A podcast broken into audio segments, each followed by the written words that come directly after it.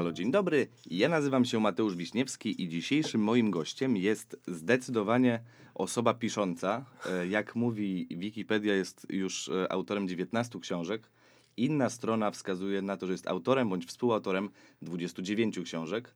E, Felietonista, który przynajmniej napisał setkę felietonów, były punk oraz też komentator i czynny pożeracz kultury Krzysztof Warga. Dzień dobry. Dzień dobry, panie Krzysztofie. Hmm, ja właściwie nie wiem, ile książek napisałem. Nigdy tego nie liczyłem to mnie niespecjalnie interesowało, dlatego że każda napisana książka jest już zamkniętą historią i przeszłością. Natomiast co do liczby felietonów, to mogę to sprecyzować, że w czasach Gazety Wyborczej napisałem około 650 felietonów, a od kiedy jestem w Newsweeku napisałem ich 123 albo 4 bodajże. Czyli razem to by się zaczęło zbliżać do 800 powoli. Czy e, z setki można się spodziewać tysiączki? Nie, nie, nie, nie. Ja wiem, bo pan myśli o książce, która się nazywała Setka i miała, to był wybór stu felietonów, ale to był wybór oczywiście. Natomiast wszystkich napisałem około 800 i nie sądzę, żeby się zbliżały jakieś wybory y, felietonów kolejne, dlatego że no, czytelnicy, jest mało raczej chyba czytelników, którzy chcieliby kupować ten sam towar jeszcze raz, tak?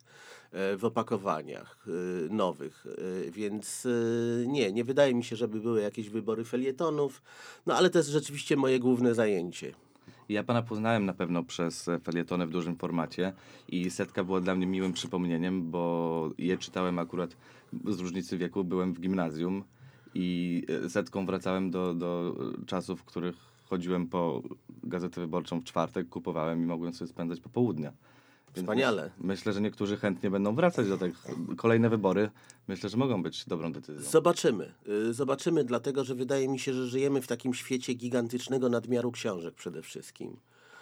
E, I e, ciężko e, pewnie zaistnieć w tym, w tym tsunami właściwie wydawnictw.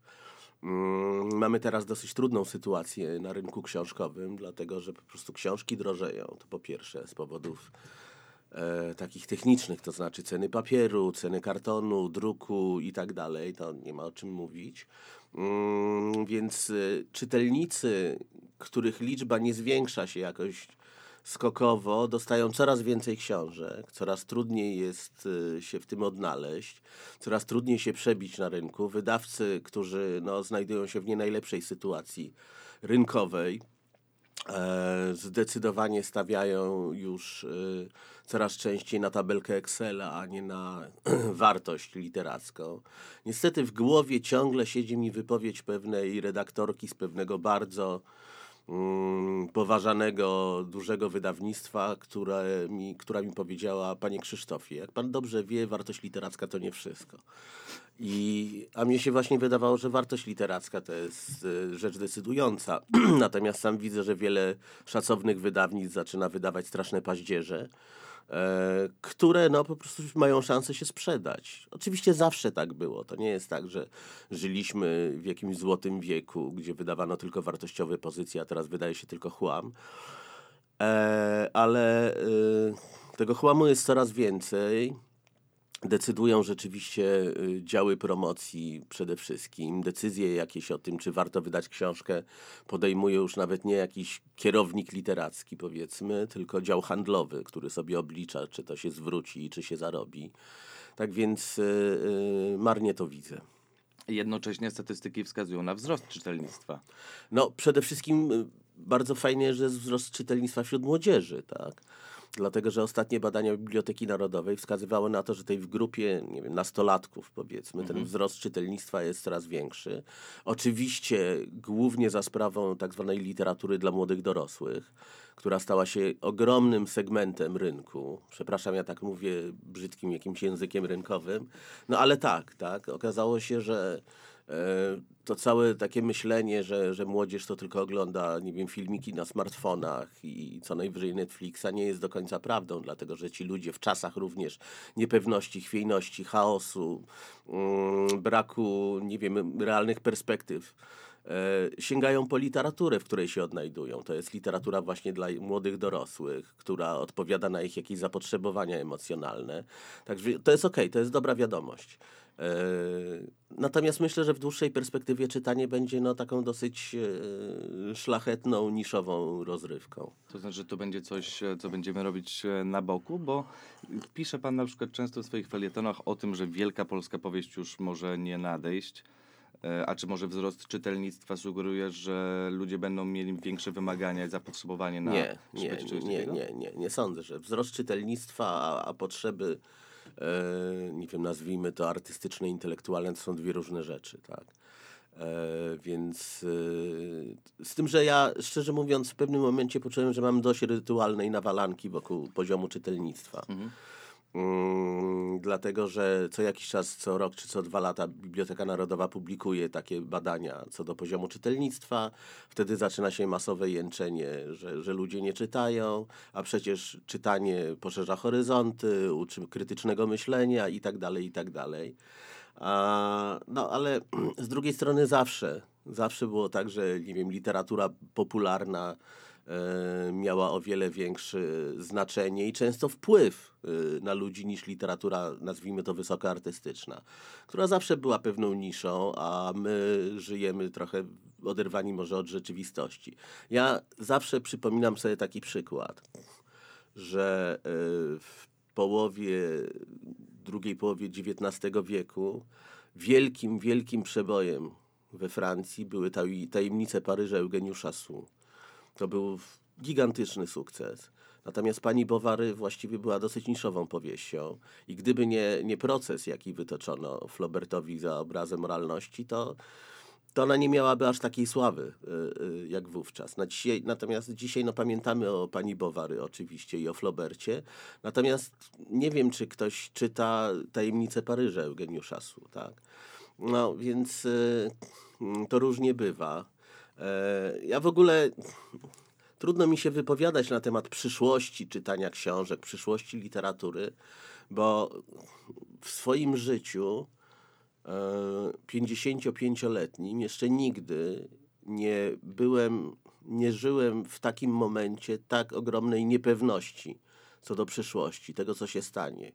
E, I politycznie, i, i kulturowo, Naprawdę, nawet w czasach komuny yy, czy po zmianie systemu nie, nie, nie czułem tego, że najbardziej pewną sprawą dzisiaj jest absolutna niepewność.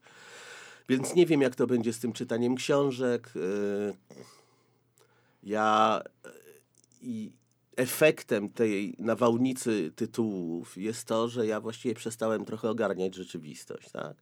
To znaczy, yy, odpadłem od śledzenia nowości eskapistycznie trochę oddaliłem się w kierunku nie wiem, powrotów do klasyki e, literatury, najchętniej w nowych tłumaczeniach, ale, ale nie tylko, bo, bo wiem, że coraz ciężej wyłowić mi coś mhm. z tego, co jest, e, co jest nowego na rynku i myślę, że to jest e, wszystkiego jest za dużo po prostu.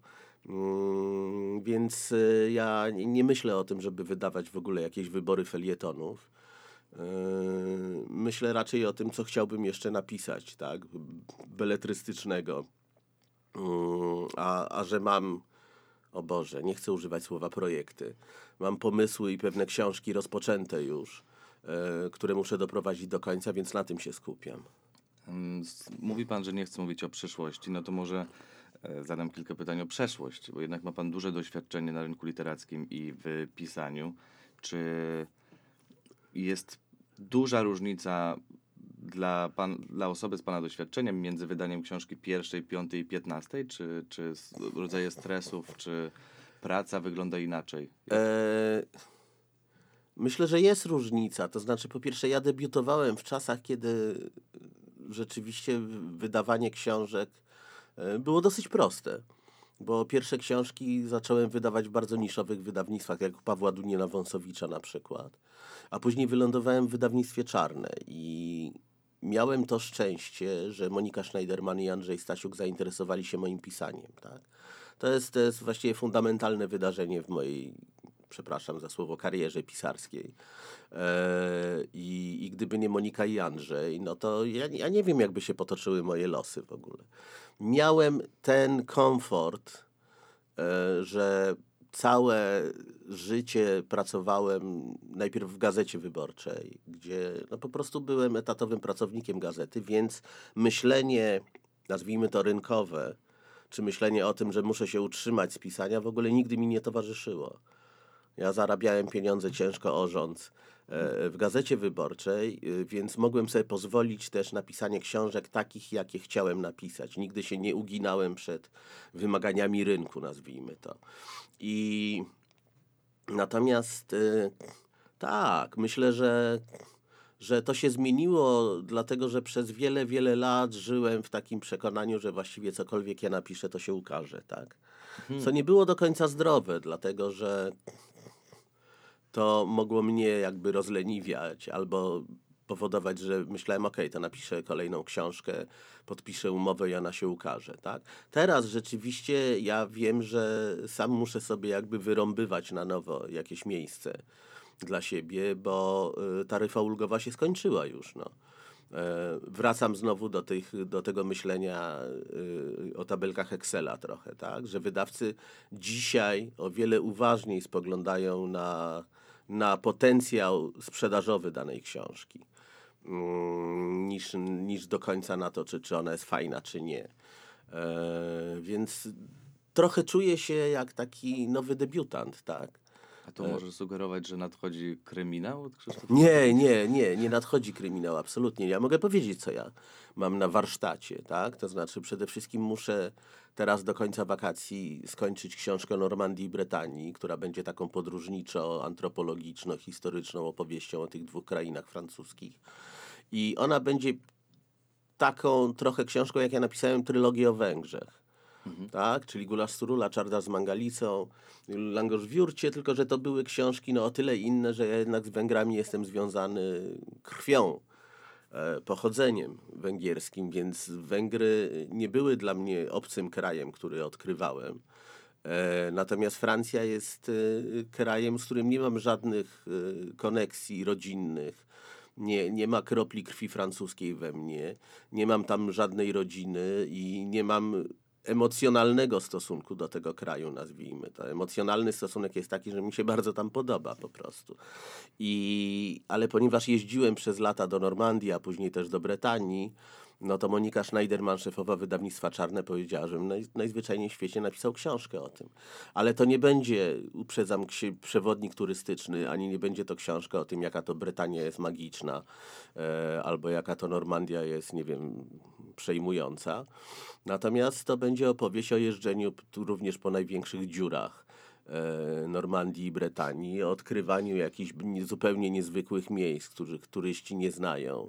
E, Będzie opowieść historyczna, no bo to, to jest przede wszystkim fantastyczna historia e, kultury, wojen i tak dalej. Więc no, to, to temu poświęcam uwagę, a drugą rzeczą jest, którą chcę już niedługo skończyć, jest taka powieść, powiastka, opowieść na jakieś może 250 stron, pewnie nie więcej, a może troszeczkę więcej, o facecie opowiadającym psu o swoim życiu. Psu, tak, tak, psu, dobrze. I, i gdzie będzie zawarta jakaś e, opowieść o Polsce ostatnich 30 lat po prostu.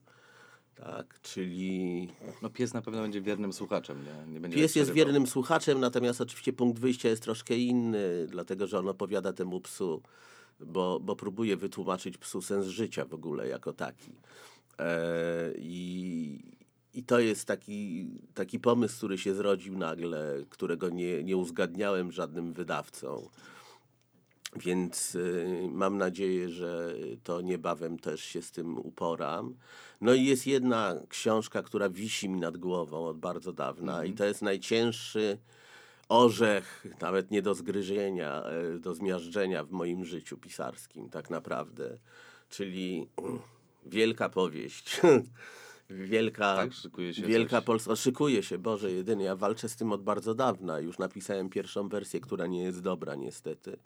Mianowicie y, to jest opowieść o, w, o męskim katolickim liceum dla chłopców. Czyli o Polsce.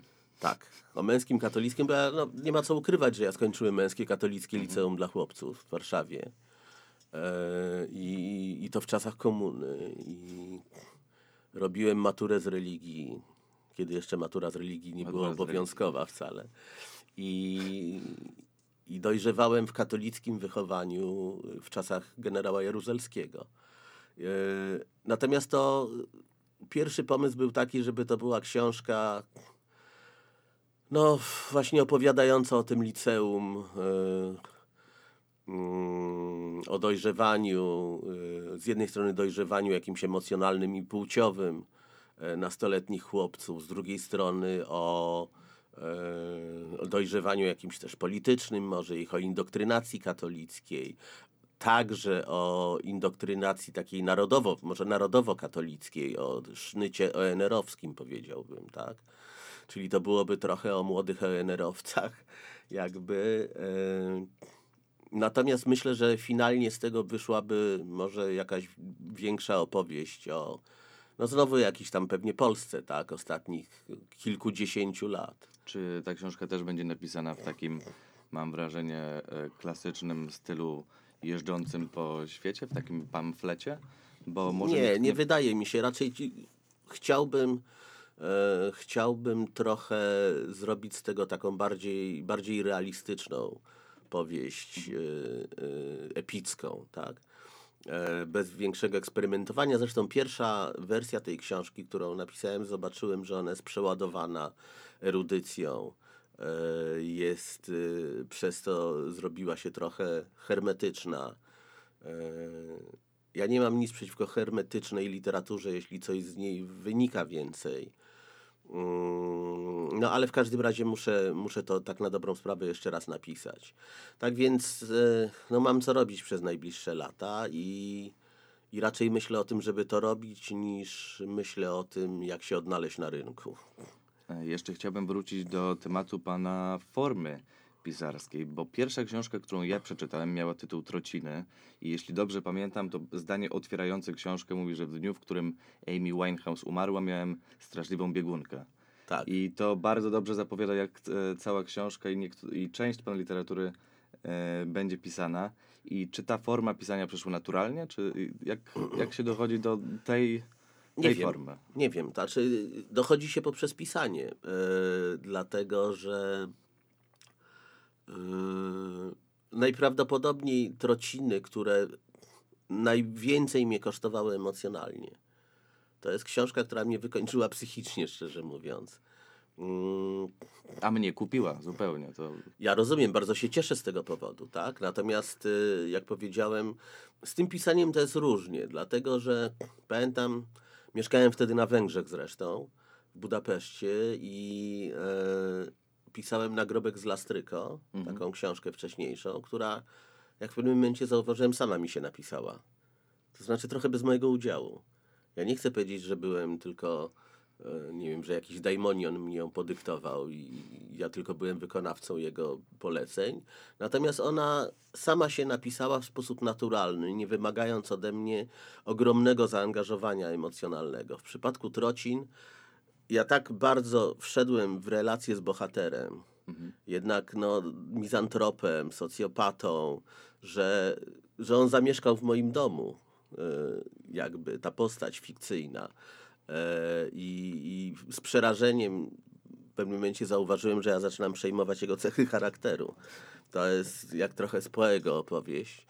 E, Natomiast jeśli chodzi o trociny, tak, rzeczywiście to wydaje mi się, że to jest taka forma monologizowania, w której ja się czuję najlepiej najprawdopodobniej. Yy, Czy ta książka wymagała na pewno emocjonalnego zaangażowania, a czy w formie pisarskiej też e, zdarzały się blokady przy niej, czy raczej udało się pisać ją płynnym trybem? Raczej płynnym trybem, to znaczy nie, nie miałem większych blokad, natomiast musiałem czasami zaczerpnąć powietrza, żeby, żeby odpocząć. Natomiast tego typu literaturę wydaje mi się należy pisać no, na jednym oddechu trochę, tak, w jednym ciągu. E, Żeby, nie siedzieć w tym za długo? Tak, i wejść w pewien rytm i nie siedzieć w tym za długo, bo to, to grozi e, no, tym, że się zrobi zglątwa z tego najzwyczajniej w świecie. Mm, A e, taka rutyna pisarska była dla pana zawsze łatwa, czy to się pojawiło z wiekiem dopiero? Myślę, że to nie chodzi o rutynę pisarską, tylko samodyscyplinę. To jest kluczowe, tak.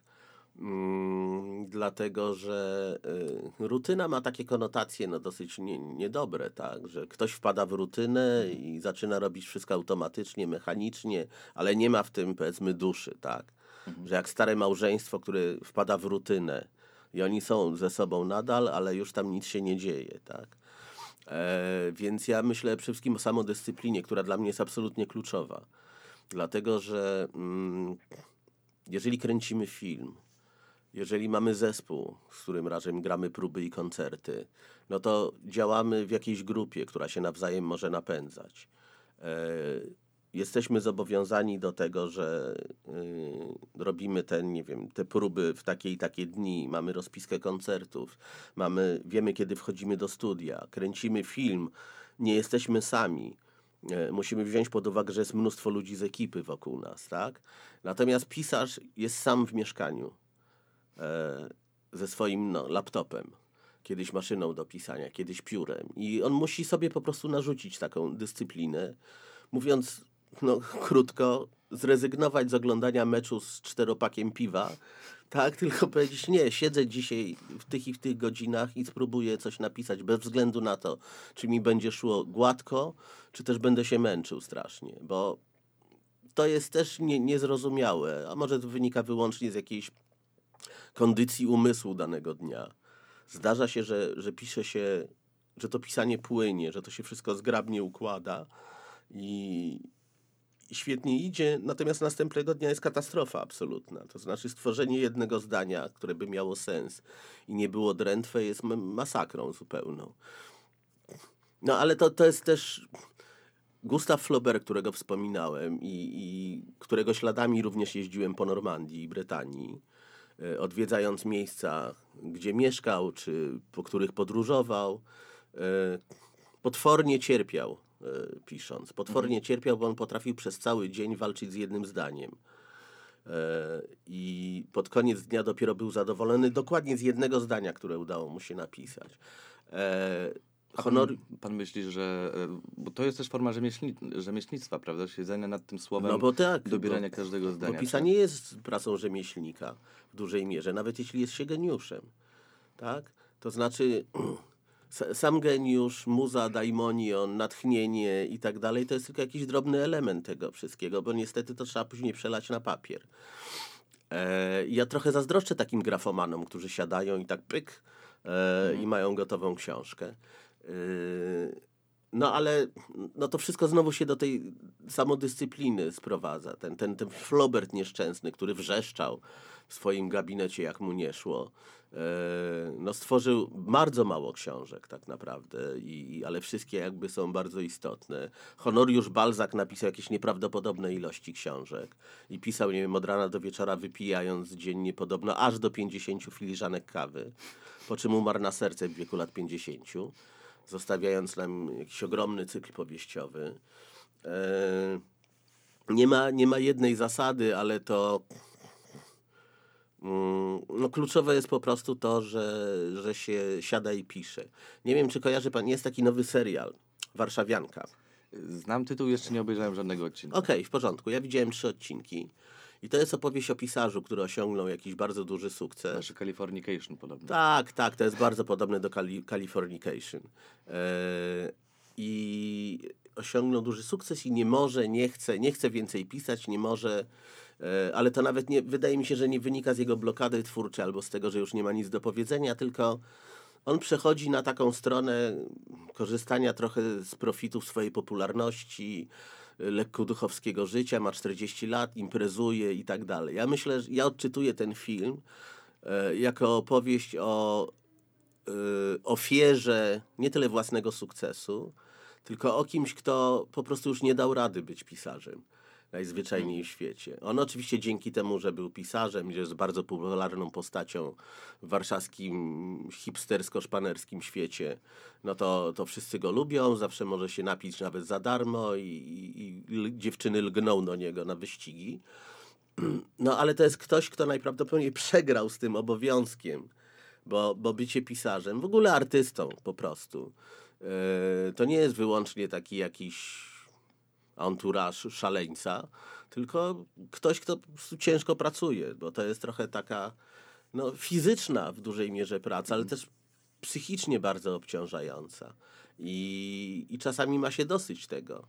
A jednocześnie jest to we, wewnętrzny przymus. Tak, mi, wydaje mi się, że wewnętrzny przymus jest A dosyć istotny. Pan może jak ten bohater miał e, okazję, żeby, może nie okazję, ale czy coś w środku mówiło, żeby wy, wykorzystywać status e, pisarza na mieście, żeby e, chodzić i opowiadać jakim się jest wielkim artystą? Mówi pan o mnie? Tak, tak. Jezus ciekawie, Maria. Czy, Nie. czy nie, nie było nigdy takiej potrzeby serca gdzieś, żeby być e, Hankiem Moodym, czy... Nie, no czy... to jest potrzeba cymbała, no chyba, wydaje mi się. E, Zresztą na, na Big Book Festiwalu, e, który się odbywał w weekend w nowej siedzibie na MDM-ie, e, wykład o samotności pisarza miał Wit Szostak. Mhm. No, on jest pisarzem, ale jest pracownikiem akademickim, wykładowcą uniwersyteckim. No i dał rzeczywiście świetny wykład. E, taki o istocie samotności pisarskiej. Ale też o sobie powiedział, że on nie mówi o sobie, że jest pisarzem. On jest pisarzem tylko w tym momencie, kiedy pisze, tak? Mi, mi się to podoba generalnie rzecz biorąc. E, Czy życie pisarza oznacza przede wszystkim głównym wyzwaniem i jest, są wyrzeczenia, tak naprawdę. No tak, tak. Oczywiście nie róbmy z tego martyrologii jakiejś, prawda? Bo e, jestem też przeciwko romantyzowaniu jakiego, jakiemuś takiemu albo stawianiu pisarza w takiej pozycji właśnie modernistycznego szaleńca, prawda? Który poświęca wszystko, em, mm, żeby, e, żeby pisać. Mimo, że to jest główne moim zdaniem wyobrażenie pisarza. Ten romantyk, który wszystko poświęca, żeby być artystą dla, No dla reszty. tak, tylko oczywiście pytanie jest takie, czy, czy, czy nie jest to trochę przebrzmiały obraz, tak? Że być może dzisiaj o pisarzu się myśli jako o pewnego rodzaju producencie doskonałych Mhm. dzieł, które się powinny świetnie sprzedać, tak? E, natomiast ten wizerunek y, Bożego Szaleńca, który poświęca wszystko, swoje życie, ale też życie innych ludzi w pewnym sensie, tak? Który rozwali swoją rodzinę i będzie krzywdził bliskich i tak dalej w imię wielkiej sztuki, staje mi się coraz bardziej obcy, szczerze mówiąc, tak? Dlatego, że fajnie jest poczytać biografię świrniętych ludzi, e, ale w ostatecznym rozrachunku zostają dzieła, tak? I to jest najważniejsze po prostu. Dzieło, a nie. y, Bo życie takiego człowieka nadaje się na biografię. Bardzo lubimy czytać biografię, ale na sądzie ostatecznym e, będą oceniane książki, tak? Czyli co, co ktoś po sobie zostawił, a nie jego barwne życie. Więc y, myślę, że życie pisarza to też jest pewien rodzaj kompromisu, powinien być, tak sądzę, między właśnie pracą ciężką, a, a normalnym życiem.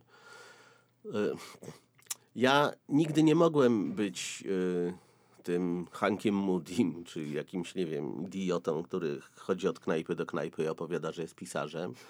Dlatego, że po prostu pracowałem w mediach. Pan jest studentem dziennikarstwa i nowych mediów. Ja pracowałem całe życie w starych mediach, czyli w papierowej gazecie. Po prostu. I, i też nie mogłem sobie pozwolić na to, żeby być, e, e, no nie wiem, takim nie, szaleńcem, tak? Dlatego, że obowiązywały mnie deadline'y, pewne obowiązki. Ja przez lata byłem pisarzem niedzielnym, tak? To znaczy przez cały tydzień pracowałem w gazecie, a, a praca w redakcji, no to jest naprawdę duży wysiłek i, i dużo czasu się na to poświęca. I pisałem tylko w weekendy. I na dobrą sprawę moje pisanie rozpędziło się relatywnie późno, czyli w momencie, kiedy ja zrezygnowałem z obowiązków redakcyjnych, redaktorskich raczej, przestałem być kierownikiem jakichś działów. Powiedziałem, że nie, że już nie chcę po prostu siedzieć w redakcji 5-6 dni w tygodniu, tylko poświęcić się pisaniu. A wszystko to za sprawą śmierci mojego ojca właściwie. Dlatego, że mój tata zmarł w 2005 roku. Ja już byłem dosyć dorosłym facetem. Miałem za sobą jakieś wydane książki. E, ale główną moją aktywnością była praca w gazecie. I, I kiedy mój ojciec umarł, ja musiałem najpierw wyjechać do Budapesztu w jakichś sprawach takich, no właśnie z tym związanych, a później wyjechałem na, na dłużej do Budapesztu. no to, to wtedy zrozumiałem, że, że to jest ten moment, kiedy y, należy dokonać wyboru, tak? Czyli czy y, wszystkie siły rzucam na, na pracę y, w gazecie, czy też nie daję sobie, daję sobie więcej przestrzeni na własne pisanie, tak? I od, od wielu, od wielu lat, właściwie od 20 lat, e, ja dzielę w miarę porówno, tak? Pracę, pisanie w prasie, tak? najpierw w Gazecie Wyborczej, później w Newsweeku, e, co jest moją pracą zawodową, moim obowiązkiem zawodowym, z pisaniem własnym. E, to też jest trudna sprawa, bo być może dla mojego pisania literackiego, nazwijmy to, lepsze byłoby, gdybym pracował jako, bo ja wiem, rolnik na przykład, tak? E, Czy ktoś taki, tak? Żeby te światy oddzielić od siebie bardziej. A żeby nie czuć może zmęczenia, tak? Że... Tak, że znowu piszę, tak? Że to jest okej, napisałem felieton, napisałem jakiś tekst do tygodnika, a teraz już wysłałem, no dobra, to teraz mam dwa dni dla siebie, żeby pisać własną literaturę, ale znowu to jest pisanie, prawda? I co zrobić, żeby to pisanie artystyczne, nazwijmy to, nie było przesiąknięte pisaniem prasowym za bardzo. Tak, żeby te dwa rodzaje tak. pisania nawzajem na siebie za bardzo nie wpływały. Żeby mimo wszystko były oddzielne. Że to jest i to, i to, to jest lekka atletyka, ale jedno jest pchnięcie kulą, a drugie bieg przez płotki, powiedzmy. Tak? Zupełnie inne mięśnie. Dokładnie, prawda? O to chodzi. Albo pan pcha tę kulę i i musi pan być napakowany bardzo, albo pan biegnie przez płotki, no to nawet pana ciało musi być inne, prawda? Więc żeby, żeby to nadal były osobne trochę dyscypliny. e, No i to jest, to jest trudne oczywiście. To jest trudne, także rzeczywiście w moich takich fantazjach, e, niespecjalnie perwersyjnych, pojawia się raczej takie myślenie, że nie wiem, e, mam stado krów, którymi się zajmuję, tak, dajmy na to, czy, czy właśnie uprawiam rolę, prowadzę jakieś gospodarstwo, albo nie wiem, jestem gajowym, powiedzmy. E, pracuję w lesie, a, a w momencie, a te dwa, trzy dni w tygodniu, przez cztery dni w tygodniu chodzę po lesie, a w trzy dni w tygodniu piszę. No to byłoby idealne, aczkolwiek e, może by się wcale nie sprawdziło. E, Panie Krzysztofie, niestety e, czas stopniowo nam dobiega końca. Format, e, który został przyjęty jest niestety około 30-minutowy. Okej, proszę się nie tłumaczyć. Proszę się nie tłumaczyć z formatu. Przyznam, że bardzo miło mi się rozmawia, ja bym chętnie te rozmowy kontynuował. Po prostu jestem e, bardzo... Pra, prawie, że jak się pana czyta. Tylko bardziej felietony niż, niż książki akurat powiedziałbym, że... e, No jakbym zaczął tutaj ględzić językiem artystycznym, to byłoby nie do wytrzymania dla słuchaczy. Mam nadzieję, że kilku by się przynajmniej uśmiechnęło. E, Okej. I no cóż, dzisiejszym gościem był Krzysztof Warga. Bardzo dziękuję za To ja dziękuję za zaproszenie. Ja byłem Mateusz Wiśniewski i to jest tyle. Dziękuję bardzo. Dziękuję. Ze Stabilo wspieramy kreatywność. Dzięki.